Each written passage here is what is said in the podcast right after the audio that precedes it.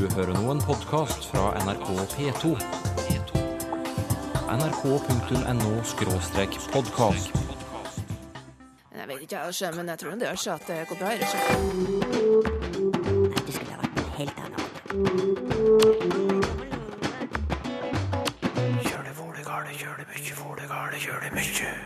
Hver gang han gjør en skrivefeil, ser noen det som en plikt å si fra.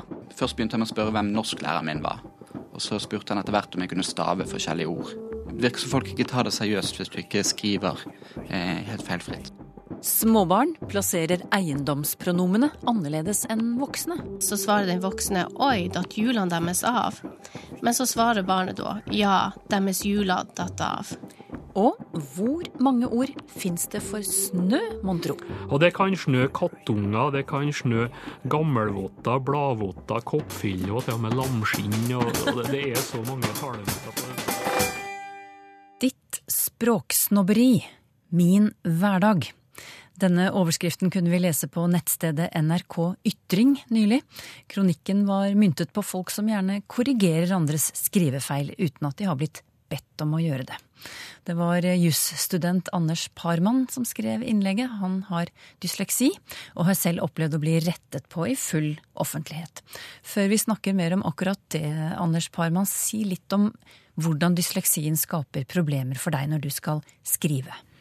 Dysleksien eh, skaper problemer eh, eh, bl.a. gjennom at jeg skriver ord feil, og jeg skriver setninger feil. Og ofte så bytter jeg rundt på hvilket ord som kommer hvor i setningen.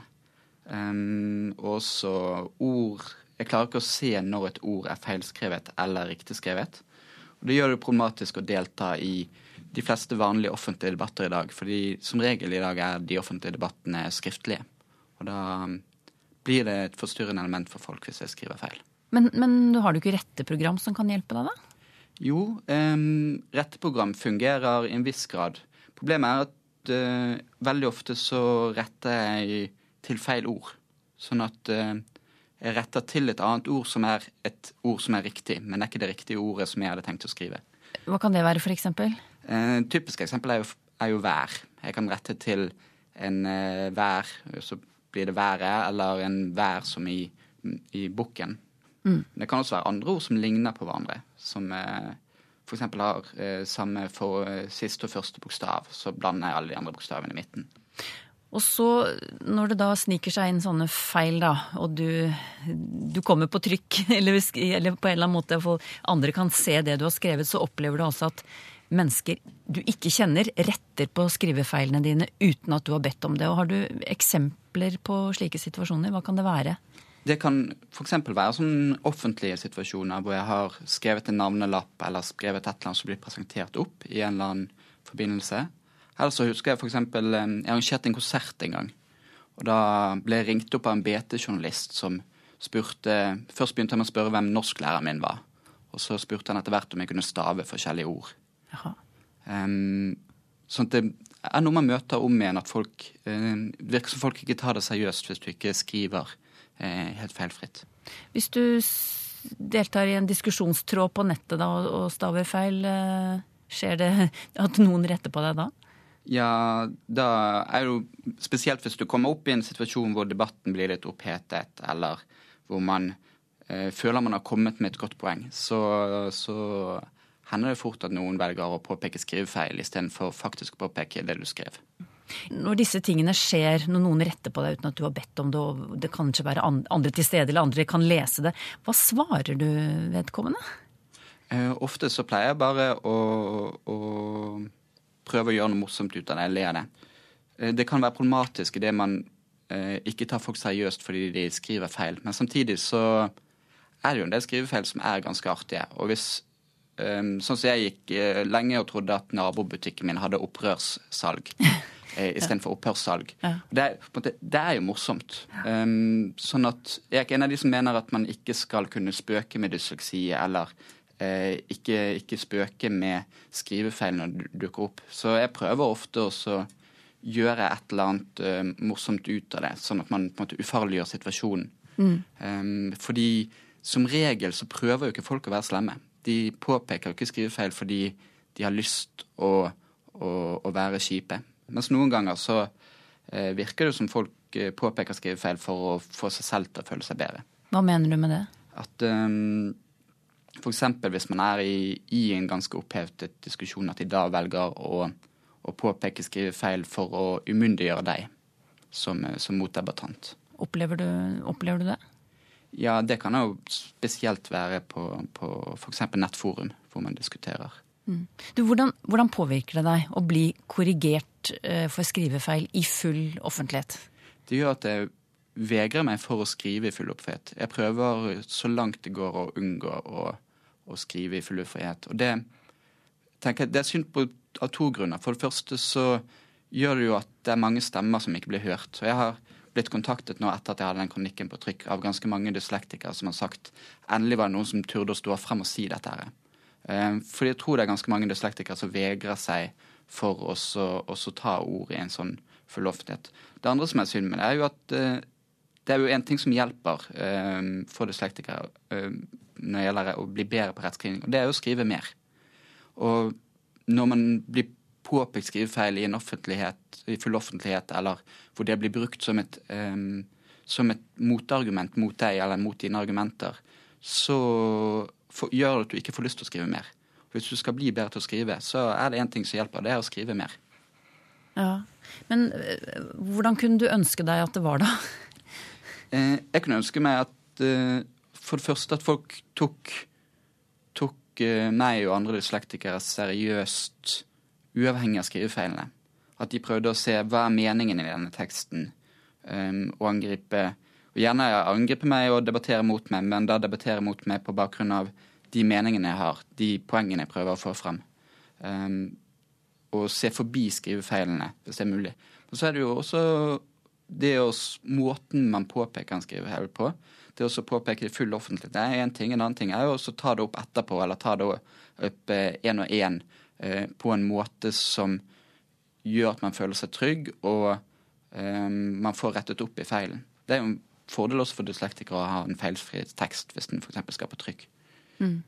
Du, dette at folk retter på f.eks. dine tekster, da, så andre kan se og høre det, det kaller du for språksnobberi. Hva mener du med det?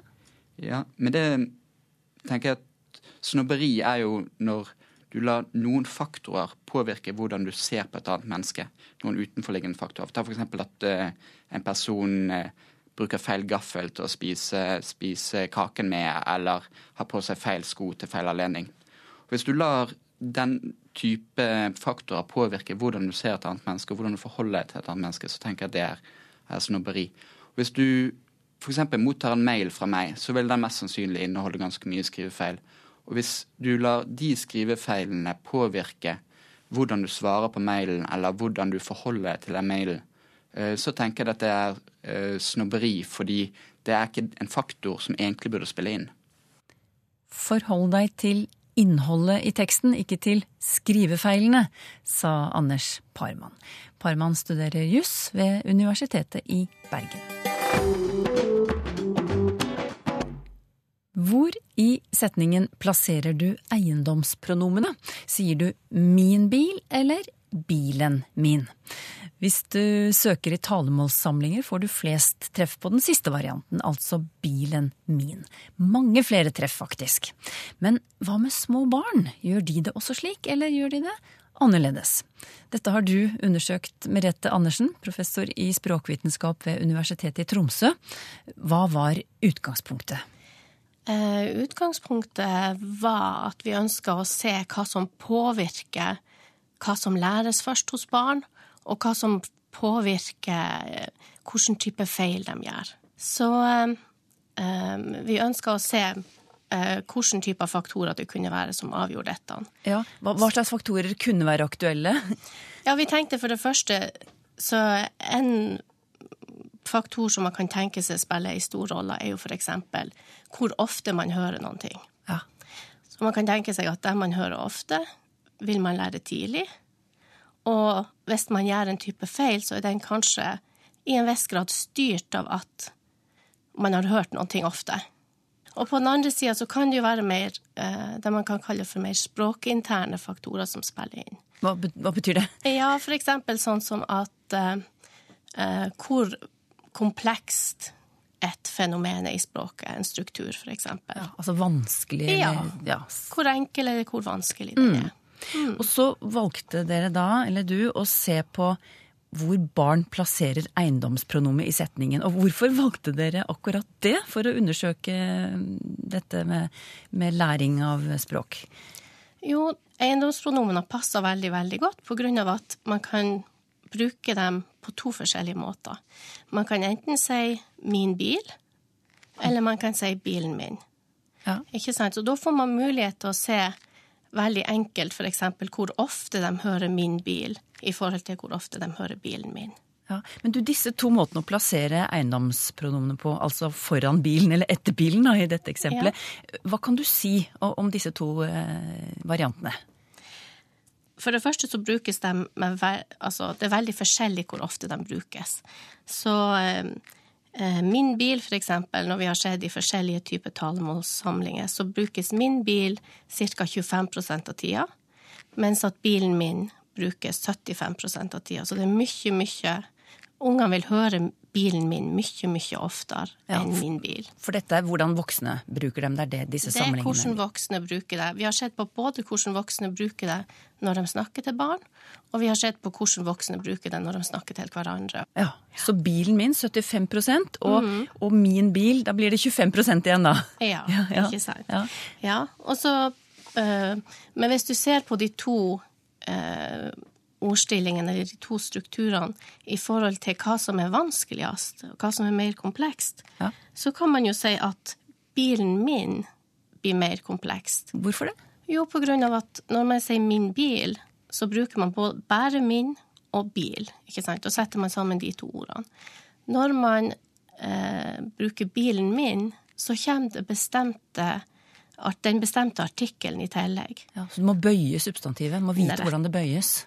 Rett og slett, ja. Så man må si bilen min, eller huset mitt, ikke sant? Um, Du, du undersøkte hvordan, altså hvordan små barn plasserer eiendomspronomene fra de begynner å snakke og til de er sånn i to-tre års alder. Hva, hva fant du ut? Jo, vi fant ut at eh, fram til de er to år, så bruker de bare min bil. Den ordstillinga. Ja, så de bruker faktisk først den ordstillinga som de hører minst. Ja, og så hva skjer så, da? Nei, og så fra toårsalderen så begynner de å bruke begge ordstillingene, eh, og da bruker de dem sånn ca. 50-50. Altså de bruker dem ca. halvparten av tida, begge to. Som igjen vil si at de bruker min bil, den ordstillinga, mye oftere enn voksne gjør fremdeles. Men du, hvordan forklarer du det at de minste barna helst plasserer eiendomspronomene foran substantivet, altså motsatt av oss eh, voksne? Jo, altså vi forklarer det med at eh, hvor enkel eller hvor vanskelig en struktur er, eh, er faktisk viktigere eh, når språket læres, enn hvor ofte de hører noen ting. Så noen ting som er mer komplekst eller mer vanskelig, vil læres seinere, sjøl om det høres oftere. Ja, for den varianten de minste barna velger, det er altså den de hører sjeldnest. Ja. Og, ø, Men så sier du at det er en overgangsfase der de bruker begge deler. Hvor, hvor gamle var de da, sa du igjen? Eh, nei, det er fra de er ca. to år, så vi snakker jo om veldig, veldig små barn. Ja, ja. Så fra når de er ca. to år, begynner de å bruke begge deler. Ja. Og så når de er sånn rundt to og et halvt, så begynner de å bruke de to på en mer lik måte. Altså mer likt sånn som voksne. Og i denne overgangsfasen som du nevnte nå, der de bruker begge deler, så sier du at dere ser at, eh, at barna ikke klarer å sortere bruken helt, at det kommer litt feil ut, da. Og på, på hvilken måte gjør det det? Um, ja, det som er, det er jo at eh, om vi velger å bruke, som voksne talere, om vi velger å bruke min bil eller bilen min, er avhengig av hva vi ønsker å formidle. Mm. så når vi sier min bil, så ønsker vi å formidle eh, en beskjed om eierskap, hvem det er som eier bilen. Eh, men når vi sier bilen min, så er eh, eierskapet eller eiendomsforholdet mer i bakgrunnen. Det er ikke ansett som så viktig. Har du et eksempel på hvordan eh, barn kan blande sammen disse forholdene? Ja, for det vi ser det at, at barn bruker min bil i tilfeller hvor, hvor voksne ville bruke bilen min. For eksempel i en dialog eh, mellom en voksen og et barn, så sier først eh, barnet Der datt hjulene av. Eh, så svarer den voksne Oi, datt hjulene deres av? Og da bruker den voksne hjulene deres, eh, hvor deres kommer etter hjulene, av at eiendomsforholdet ikke er så viktig. Men så svarer barnet da ja, deres hjuler datt av, eh, og bruker da, så bruker da deres framfor hjulene. Så der har de ikke helt grepet den nyansen, da. Men du, hva er poenget med å forske på hvordan barn plasserer eiendomspronomene? Jeg tror at man, For det første så er det jo interessant bare å vite hvordan, hvordan språk utvikles, og kunne beskrive det og kunne se på hvordan den prosessen skjer. Eh, Men for det andre så er det jo et, et større spørsmål bak der, ikke sant? I forhold til hvor viktig er det ytre når barn lærer språk, vil si det språket de hører, og hvor viktig er det indre, det som kommer fra barnet sjøl, det som kommer fra barns hjerne. Og, eh, og da var jo denne strukturen en, helt, eh, en veldig flott eh, anledning til å teste akkurat dette spørsmålet. Eh, Og vi mener jo at vi med disse resultatene har funnet ut at, at i alle fall i, i disse typer strukturer hvor man har to mulige ordstillinger, så er faktisk hvor vanskelig strukturene er, viktigere enn hvor, hvor ofte de høres. Og det vil da si at hjernen, på en måte, det som kommer innenfra, spiller en større rolle enn det som kommer utafra. Det er ikke bare det de hører som er avgjørende når barn lærer språk. Det mente Merete Andersen. Hun er professor i språkvitenskap ved Universitetet i Tromsø, Norges arktiske universitet.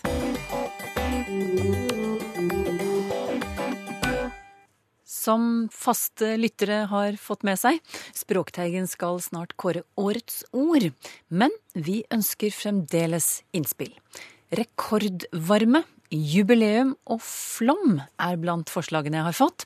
Hvilket ord synes du best kan representere en hendelse eller trend som har preget eh, 2014? Send inn til teigen krøllalfa nrk.no eller Språkteigen NRK P2 7005 Trondheim.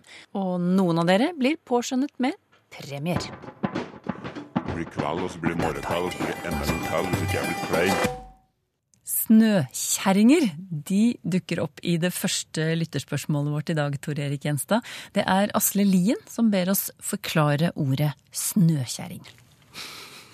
Ja, eh, altså snøkjerringer, eller det snødigre kjerringer, eh, nevner nå her, vi eh, brukt om store snøfiller.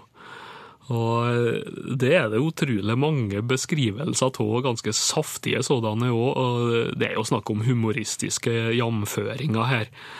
At det snør kjerringa. Og det er vel egentlig belagt ganske mange plasser ifra vidt rundt omkring, både kjerring og sammensatt snøkjerring om det her. Og det kan være litt sånn blomstrende talemåter. Fra Røyrvik i Nord-Trøndelag så har vi f.eks. at det snør gamle kjerringer og finnsko. Da er det et kraftig snøfall. Og i Volda så har du trollkjerringer både om slike blaute snøfiller og store regndråper. Og det kan snø kattunger, det kan snø gammelvotter, bladvotter, koppfiller og til og med lamskinn. Og, og det, det er så mange talemåter på det der. Og oppe i Nord-Østerdalen der har de et ord for tett snødrive som de kaller finnbastu. Og det er vel nokså heftige greier, da, antagelig. Og har du flere dialektord for snø, så hører vi gjerne fra deg. Teigen krøllalfa nrk.no, eller bruk Facebook skråstrek Twitter. Sturla Strøm har hørt deg svare på dialektspørsmål her i Språkteigen, Tor Erik Gjenstad, og han reagerer negativt på et svar du ga. Det var en lytter som fortalte at hun hadde flyttet til Sandefjord sammen med samboeren, som er derfra. Og hun øh, var litt usikker på Når han sa 'hvem bil' og 'hvem hus', så ville hun mene at det riktige var hvilken bil og hvilket hus. Og hva er dette nå? Dialekt, eller er det slurv. og du eh, sa at det var dialekt å si 'hvem bil'. Men dette reagerer altså Stula Strøm på. Han skriver da er det jammen tillatt å si hva som helst, ikke minst langs Oslofjorden. Han er selv fra Vestfold, forteller han, og kjenner godt til såkalte språkpadder, som langt fra er dialekt, men total mangel på språkføring. Og han mener at det flyter eh, fullstendig ut. Demses hus, Demses sykkelstativ er eksempler han nevner her. Det kan umulig kalles dialekt. Um, så der er han ikke enig med deg. Jeg vet ikke, Har du lyst til å si noe til han? Nei, altså det, eh, det er noe definisjonsspørsmål, naturligvis, kan, eh, skal regnes som dialekt. Og det er noe i grunnen bare det å si at slik er språkets liv. Og det her med, med hvem buss, hvem bukser skal jeg ta, som er registrert fra Oslo f.eks., det er noe såpass utbredd. Uh, og jeg tror jo at det er viktig at en uh, holder fra hverandre talespråk og skriftspråk. Her hører jo definitivt ikke til skriftspråksnormen, uh, verken i bokmål eller i nynorsk, men som talespråk så er det, er såpass mange som bruker det at det, det er vanskelig å Jeg kan like det eller ei. Og det er jo slik at hvis nok språkbrukere begynner å bruke et trekk, så blir det før eller senere norm. Og alle språkforandringer har nok på et eller annet punkt starta som et individuelt avvik eller som en feil.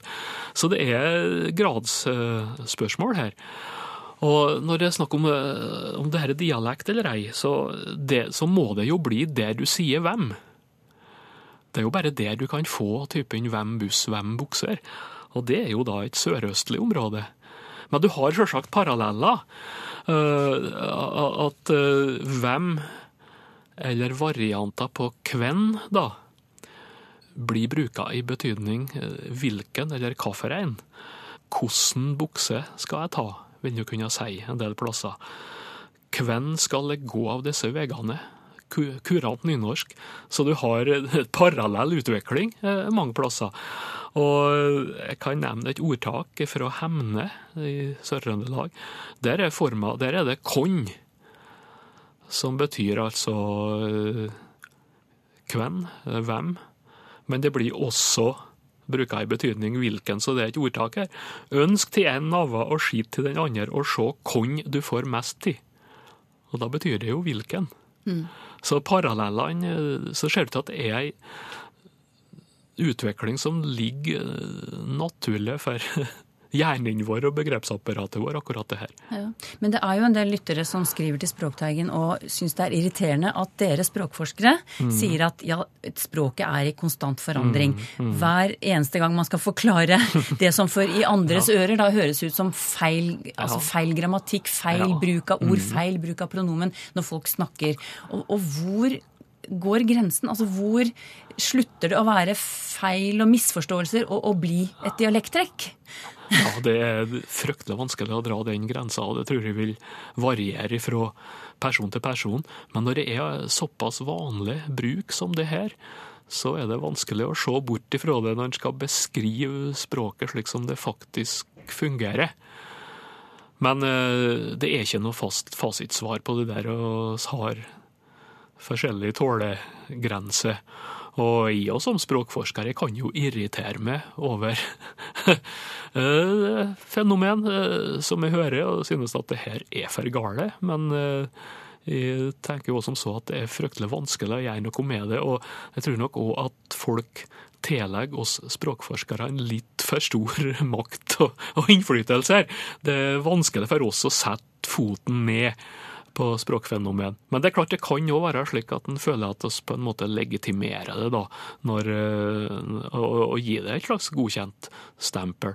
Men igjen så er det òg viktig at en holder tale- og skriftspråk fra hverandre her. Kjære Språkteigen, skriver Eivind Lauritzen på Twitter. Har dere forslag til hvordan dialektordet kela, som i trøbbel eller oppstyr, stammer fra? Ja, eh, Kela, eller Kelan, som det òg er, sagt, det er jo i hovedsak et nordnorsk ord. Men det går òg ned i Trøndelag, eh, Namdalen, eh, litt grann i Inntrøndelag og også i Fosen. Men det betyr altså, som det er sagt her, ståk, leven, oppstyr, trøbbel. Et forslag her det er at det kan skrive seg ifra romani, altså språket til de reisende, taterspråk. For der skal det finnes et ord, kela, som betyr dans. Og dansen kunne ha litt livlig for seg. Så det er et mulig opphav. Det er iallfall den beste teorien så langt. Grete Vikstrand skriver her hvor jeg bor, i Finnmark, er det mange som sier omtrent når de mener omtrent. Hvorfor sier vi det slik, altså omtrent, og hvor kommer det fra? Ja, sjølve ordet omtrent eller omtrent det kommer jo ifra lågtysk ommetrent. Så det kan vel eh, bli forma om på litt eh, forskjellig vis. Trent betyr her eh, grense eller omkrets, bokstavelig.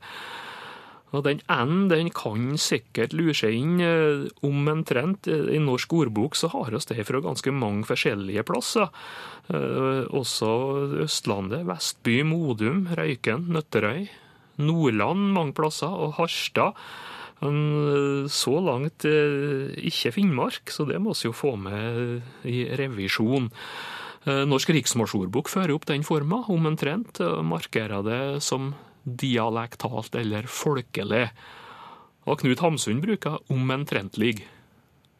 En lytter som kaller seg Haringen, eh, bor i Indre Hardanger, og der kaller de sagflis for samo, skriver han. Og han lurer på hvor ordet kommer fra, og hvor det er i bruk. Ja, eh, samo eh, For det første så kommer jo det av sagmo.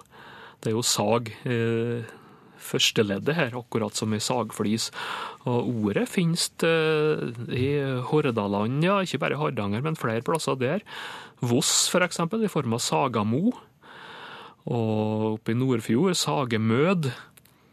Og det finnes mange plasser i Nord-Norge, det finnes også i Trøndelag, og det er også registrert fra Eidsvoll, så det går ganske vidt ikring. Eh, sag, altså, sistleddet mo, eh, det er norrønt modd. Finnes det rundt omkring i målføra som må, eller mø, eller mau, eller modd, og det betyr altså rett og slett smått avfall, rask. Har du spørsmål til Språkteigen? Skriv til Teigen, krøllalfa nrk.no, eller til Språkteigen, NRK P2, 7005, Trondheim. Så finner du oss også på Twitter og på Facebook. Er sportsklærne ekstra kule når de heter noe på engelsk? Skal vi se her Jacket til dame og herre. Fleece hoodie. Midten til dame. Midten? Hva er det for noe? Språkteigen om en uke.